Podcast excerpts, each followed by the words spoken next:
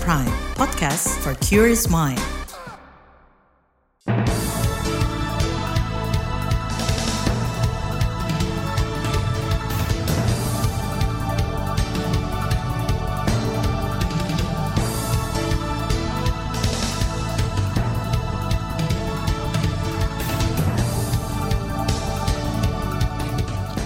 Selamat pagi saudara, senang sekali kami bisa menjumpai Anda melalui program Buletin Pagi edisi Rabu 1 Februari 2023. Saya Naomi Liandra. Sejumlah informasi pilihan telah kami siapkan, di antaranya operasi pasar akan digelar hingga Maret untuk turunkan harga beras. Mahkamah Konstitusi tolak legalkan nikah beda agama. Penyakit mulut dan kuku kembali mewabah di Jawa Timur. Inilah Buletin Pagi selengkapnya. Terbaru di Buletin Pagi. Saudara, kenaikan harga beras belum juga teratasi. Badan Pusat Statistik akhir tahun lalu mencatat ada 58 kabupaten kota yang mengalami kenaikan harga beras di atas 5 persen. Kondisi ini disebabkan pasokan beras yang menipis. Anggota Komisi Pertanian DPR Edward Tanur menuding buruknya koordinasi lintas kementerian dan lembaga sebagai sumber masalah. Dampaknya harga beras terus merangkak naik dan harus ditanggulangi dengan impor beras. Ini ada hubungan erat dengan kementerian, kementerian yang memproduksi. Nah, kalau kita produksi nggak ada, biar kita rencana sampai mau ke bulan juga percuma ini. Jadi produksi dan anggaran. Jadi memang ini dilematis. Maka itu diperlu koordinasi yang mantap. Kalau tidak ada koordinasi masing-masing jalan sendiri atau koordinasinya belum cukup, pasti mengalami hambatan-hambatan dalam merealisasikan pangan khususnya beras. Anggota DPR dari fraksi PKB Edward Tanur mendesak agar problem data stok beras antar kementerian lembaga segera dituntaskan. Edward berharap panen raya pada Februari dan Maret nanti akan bisa menambah stok cadangan beras pemerintah sekaligus menurunkan harga beras. Saudara, berdasarkan situs informasi harga pangan antar daerah per 31 Januari kemarin, harga beras kualitas medium 1 di NTB Sulawesi Selatan dan Sulawesi Barat berada di kisaran 10 ribuan per kilogram. Ini merupakan harga terendah, bandingkan dengan DKI Jakarta yang harganya mencapai 14.800 rupiah per kilogram. Adapun harga tertinggi di kisaran 15 ribuan per kilogram terjadi di Sumatera Barat, Kalimantan Tengah, dan Kalimantan Selatan.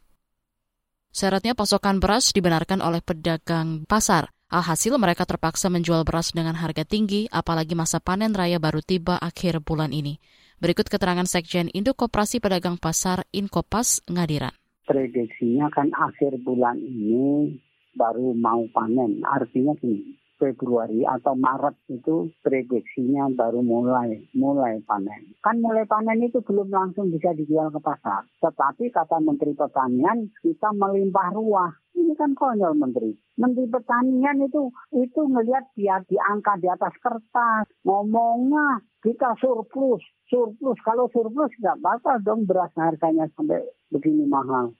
Sekjen Inkopas Ngadiran menambahkan beras impor cukup membantu menekan harga sehingga tidak terlalu melambung tinggi. Inkopas berharap pemerintah lebih banyak memasok beras ke pasar. Harga beras yang mahal menjadi perhatian Presiden Joko Widodo. Kemarin Jokowi mendadak memanggil Menteri Perdagangan Zulkifli Hasan dan Dirut Bulog Budi Waseso ke istana. Usai pertemuan, Zulkifli bilang ia dan para menteri terkait diperintahkan untuk segera menurunkan harga beras. Politikus PAN ini mengatakan bakal segera menindak lanjutinya dengan mendorong Bulog mempercepat operasi pasar. Ya mudah-mudahan Kabulok dan kita semua akan me, apa, membanjiri eh, dengan stok yang ada dengan di, di, demikian mudah-mudahan waktu dekat ini harga sudah bisa uh, kembali uh, turun gitu. Nah teknisnya agar cepat mengguyur pasar itu nanti Pak Buas sama Pak uh, Arif akan menyampaikan. Itu tadi Menteri Perdagangan Zulkifli Hasan. Sementara itu Dirut Bulog Budi Waseso menyatakan siap menggelar operasi pasar hingga Maret mendatang. Ia mengklaim stok cadangan beras pemerintah sebanyak 315 ribu ton. Beras itu berasal dari penyerapan dalam negeri dan beras impor. Yang kita turunkan ini adalah beras-beras termasuk beras import ya yang kualitasnya premium ya tapi kita tetap menjualnya 8.300 jadi nanti teman-teman juga harus ngawasi ya kalau ada yang berasnya mahal Nah itu berarti ada permainan di situ, ya. Karena apa? Ini beras ini beras premium, bukan beras medium. Ya kita jualnya 8.300. Jadi harusnya nggak ada lagi persaingnya. Karena beras yang ini yang terbaik selama ini, ya. Di Rut Bulog, Budi Waseso menambahkan beras yang disalurkan lewat operasi pasar adalah beras impor premium seharga Rp8.300 per kilogram. Untuk menghindari penimbunan, Budi meminta Satgas Pangan Polri turun tangan, masyarakat juga diimbau untuk mengawasi. Mahkamah Konstitusi tolak legalkan pernikahan beda agama. Informasinya hadir sesaat lagi, tetap di Buletin Pagi. You're listening to KBR Pride, podcast for curious mind. Enjoy!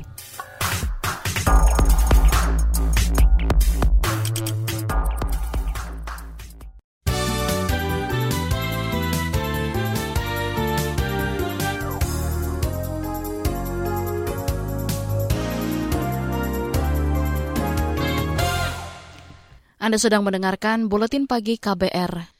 Saudara, potensi aparatur sipil negara ASN tidak netral saat pemilu 2024 diperkirakan cukup tinggi. Hal itu diungkapkan asisten pengawasan di Komisi Aparatur Sipil Negara atau KASN Iip Ilham Firman.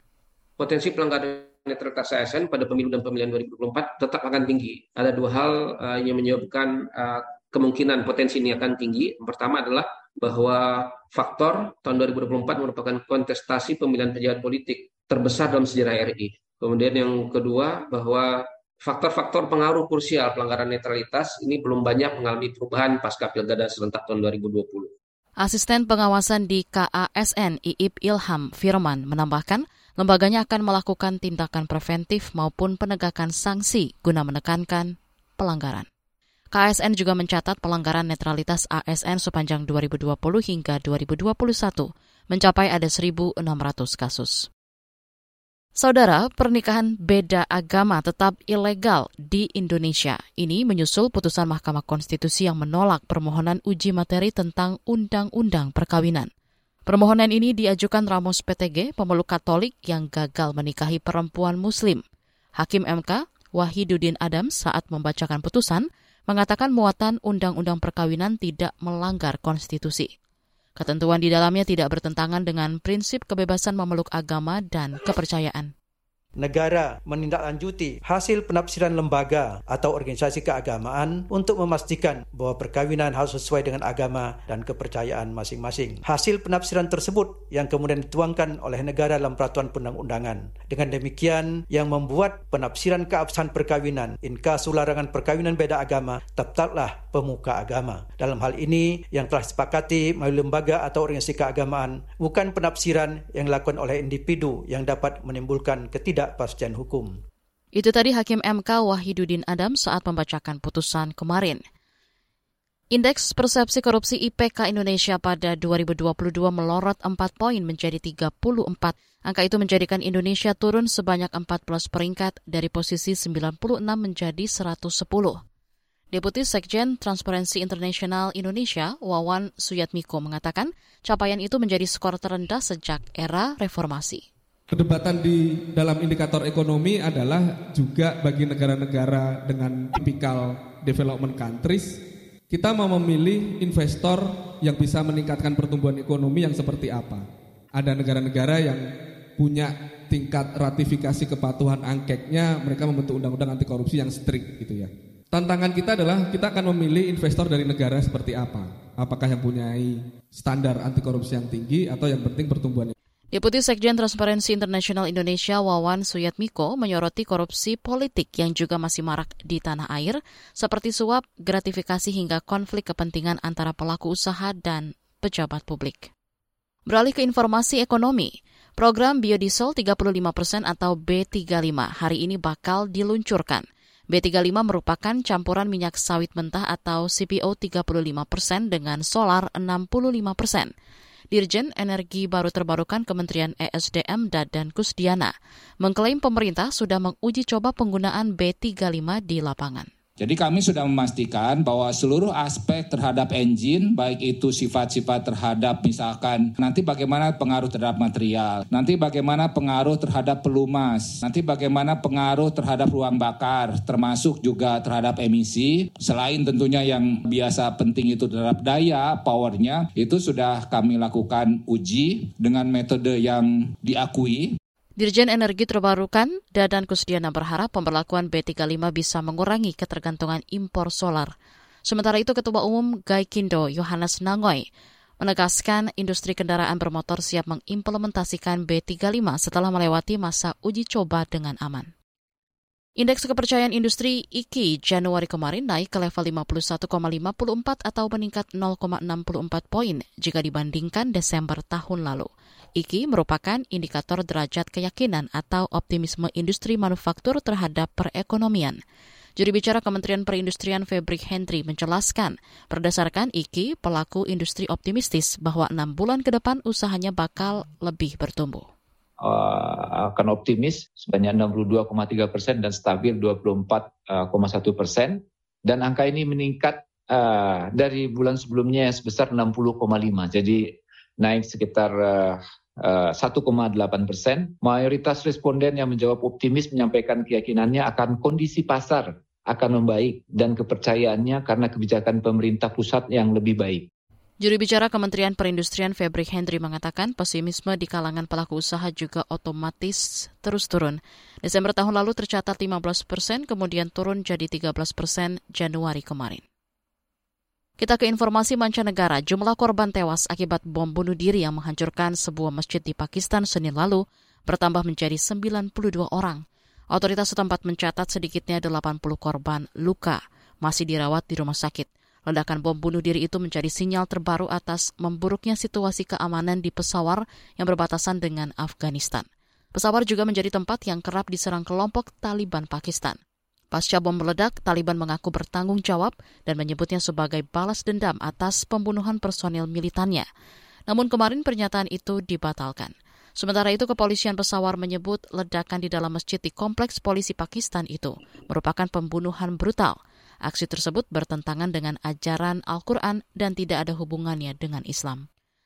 Beralih ke informasi olahraga, Atlet bulu tangkis Indonesia Jonathan Christie menyalip posisi Anthony Ginting dan menduduki peringkat dua dunia sektor tunggal putra.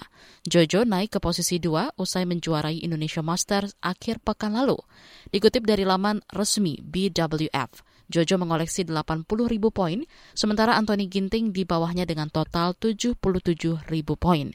Sementara itu Ciko Aura Dwi Wardoyo yang menjadi runner-up Indonesia Masters juga langsung melesat ke posisi 15 atau naik 8 peringkat. Adapun posisi puncak tunggal putra masih diduduki Victor Exelsen dari Denmark. Di bagian berikutnya kami hadirkan laporan khas KBR tentang benarkah proyek food estate gagal. Tetaplah di Buletin Pagi KBR. You're listening to KBR Pride, podcast for curious mind. Enjoy!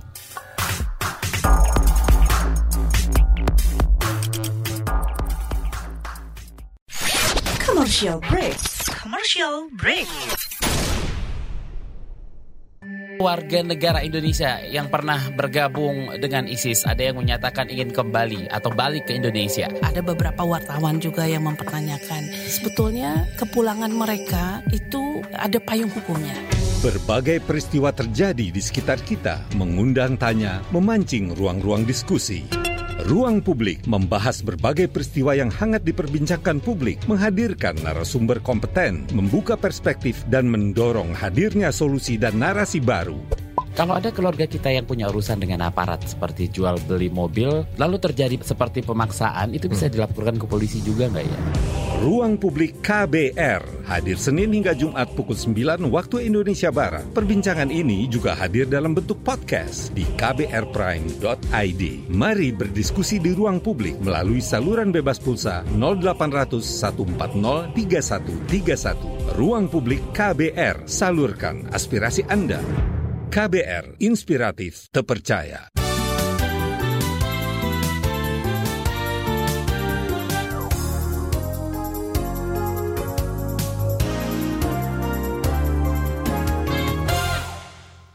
masih bersama kami di Buletin Pagi KBR. Komisi Bidang Pertanian DPR berencana membentuk panitia khusus atau panitia kerja guna mengevaluasi program food estate atau lumbung pangan di Indonesia. Program itu dinilai gagal dalam menjaga ketahanan pangan dalam negeri.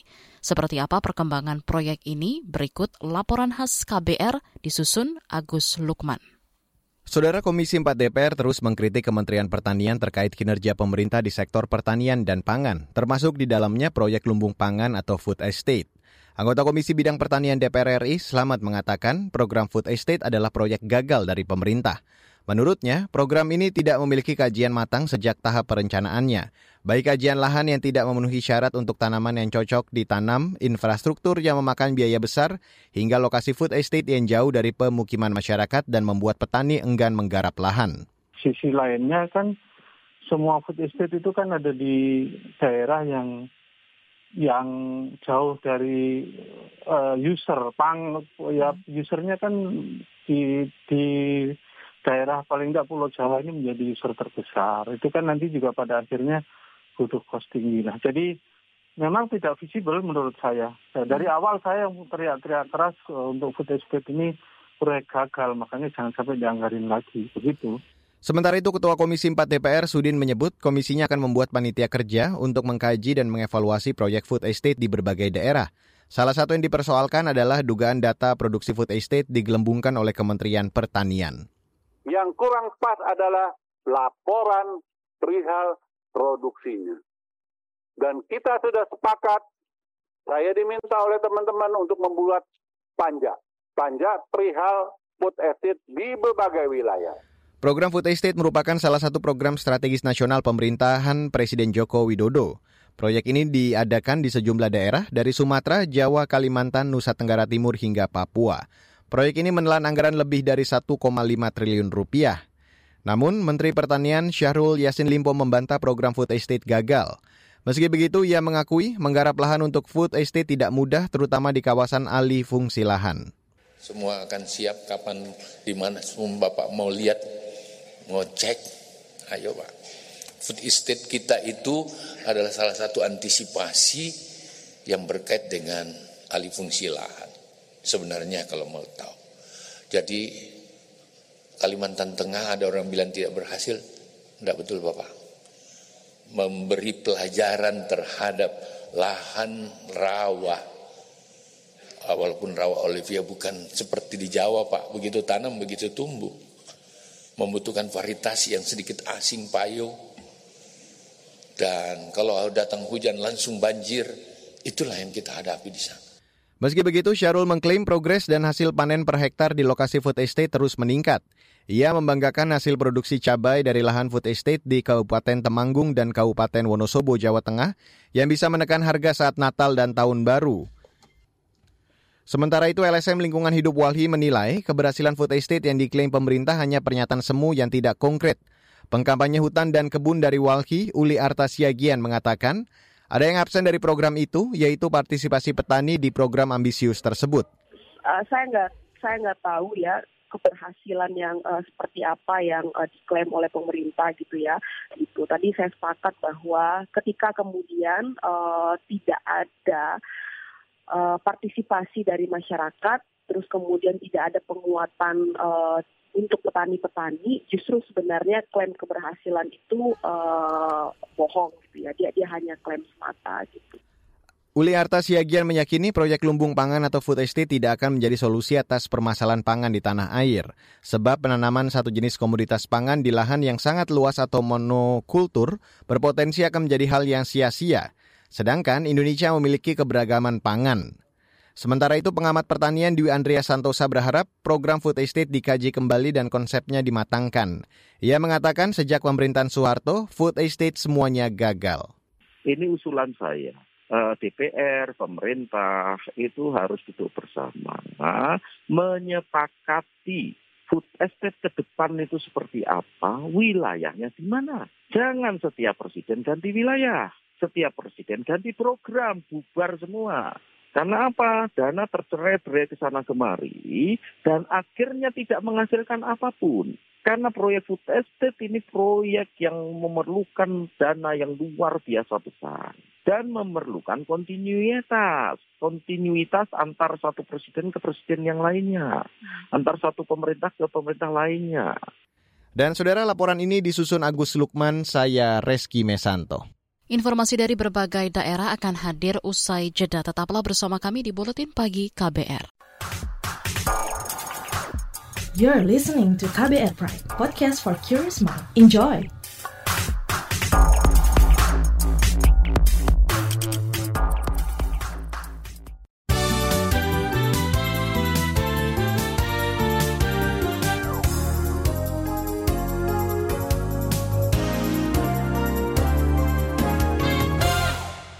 Inilah bagian akhir buletin KBR. Penyakit mulut dan kuku atau PMK pada hewan ternak kembali mewabah di sejumlah wilayah di Jawa Timur.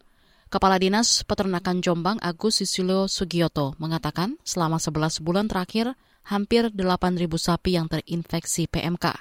Dari jumlah itu 7.400 sapi sembuh, 300 mati, 160 dipotong paksa, dan 36 sapi masih sakit agak sakit-sakit ini kan ketularan dari ini. Dari Jawa Tengah kan banyak yang kena, Bojonegoro, yeah. Nganjuk, Utara Berantas, Pelandaan kayaknya. Pelandaan yang banyak, bukan sapi yang, terus, yang sudah divaksin yang kena. Kepala Dinas Peternakan Jombang Agus Susilo Sugioto menambahkan jajarannya terus menggencarkan program vaksinasi PMK tahap 1 dan 2 untuk kemudian dilanjutkan dengan dosis booster. Sementara itu di Kabupaten Magetan, 100 sapi terinfeksi PMK selama Januari kemarin. Dari total populasi 118 ribu sapi, baru 30 persen atau 80 ribu sapi yang sudah menerima vaksin PMK. Beralih ke Jawa Tengah, saudara ratusan guru non-PNS di Kabupaten Rembang berunjuk rasa ke kantor DPRD. Informasi selengkapnya bersama reporter Radio Jaringan Musyafa dari Radio R2B Rembang. Hampir 300-an orang guru kelompok bermain dan TK non-pegawai negeri sipil di Kabupaten Rembang hari Selasa melancarkan sejumlah tuntutan di gedung DPRD Rembang. Ketua Persatuan Guru TK Non-PNS Kabupaten Rembang, Zulaika, menyatakan tuntutan tersebut di antaranya guru TK Non-PNS bisa mengikuti seleksi pegawai pemerintah perjanjian kerja atau P3K namun tetap boleh bekerja di lembaga swasta. Tuntutan berikutnya mengenai bantuan kesejahteraan guru non-PNS disalurkan lagi dan dinaikkan nominalnya. Yang kedua mengenai in passing guru bukan pegawai negeri sipil itu eh, mohon dibuka lagi. Jadi regulasi itu bisa bisa mengcover kami untuk mengajukan eh, SK in passing dan nilai PAK dari kami yang sudah mempunyai SK in passing. Menanggapi masalah tersebut, Wakil Ketua DPRD Rembang, Ridwan, menyampaikan terkait kuota P3K, in passing maupun tunjangan kepala sekolah adalah kebijakan pemerintah pusat. Maka pihaknya mengagendakan para guru dan pihak terkait dari Rembang siap datang ke Kementerian Pendidikan dan Kebudayaan serta DPR RI di Jakarta. Sedangkan menyangkut bantuan kesejahteraan adalah ranah Pemkap Rembang nantinya akan dikomunikasikan lebih lanjut. Musyafa R2B Rembang melaporkan untuk KBR. Kita ke Aceh. Longsor menyebabkan Jalan Nasional Trans Takengon Pelangkerjan di Kecamatan Lingga Aceh Tengah terputus. Akibatnya transportasi menuju ke Sumatera Utara, Aceh Tengah, Benar Meriah, dan Gayo Luwes lumpuh. Kepala Pelaksana Badan Penanggulangan Bencana Daerah BPBD Gayo Luwes, Suhaidi, mengatakan longsor terjadi akibat cuaca ekstrim eh, memang aksesnya sampai saat ini masih belum bisa dilalui Pak sampai sekarang kan baik dari Belang Kejren ataupun sebaliknya. Jadi ini sedang persiapan alat menuju lokasi untuk pembersihan material longsornya gitu Pak. Kepala Pelaksana BPBD Gayo Luwes Suhaidi menambahkan sejak kemarin alat berat sudah dikerahkan untuk membersihkan material longsor. Sebelumnya sepekan lalu longsor juga terjadi di Jalan Nasional Trans Takengon Blangkejeren, tetapi lokasinya di Kecamatan Ise-Ise. Dampaknya sama, akses transportasi menjadi terputus.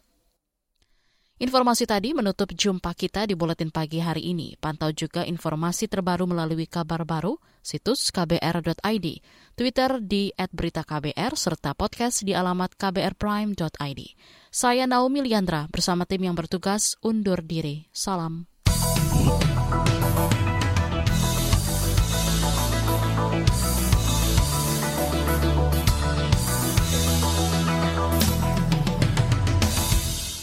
KBR Prime, cara asik mendengar berita. KBR Prime, podcast for curious mind.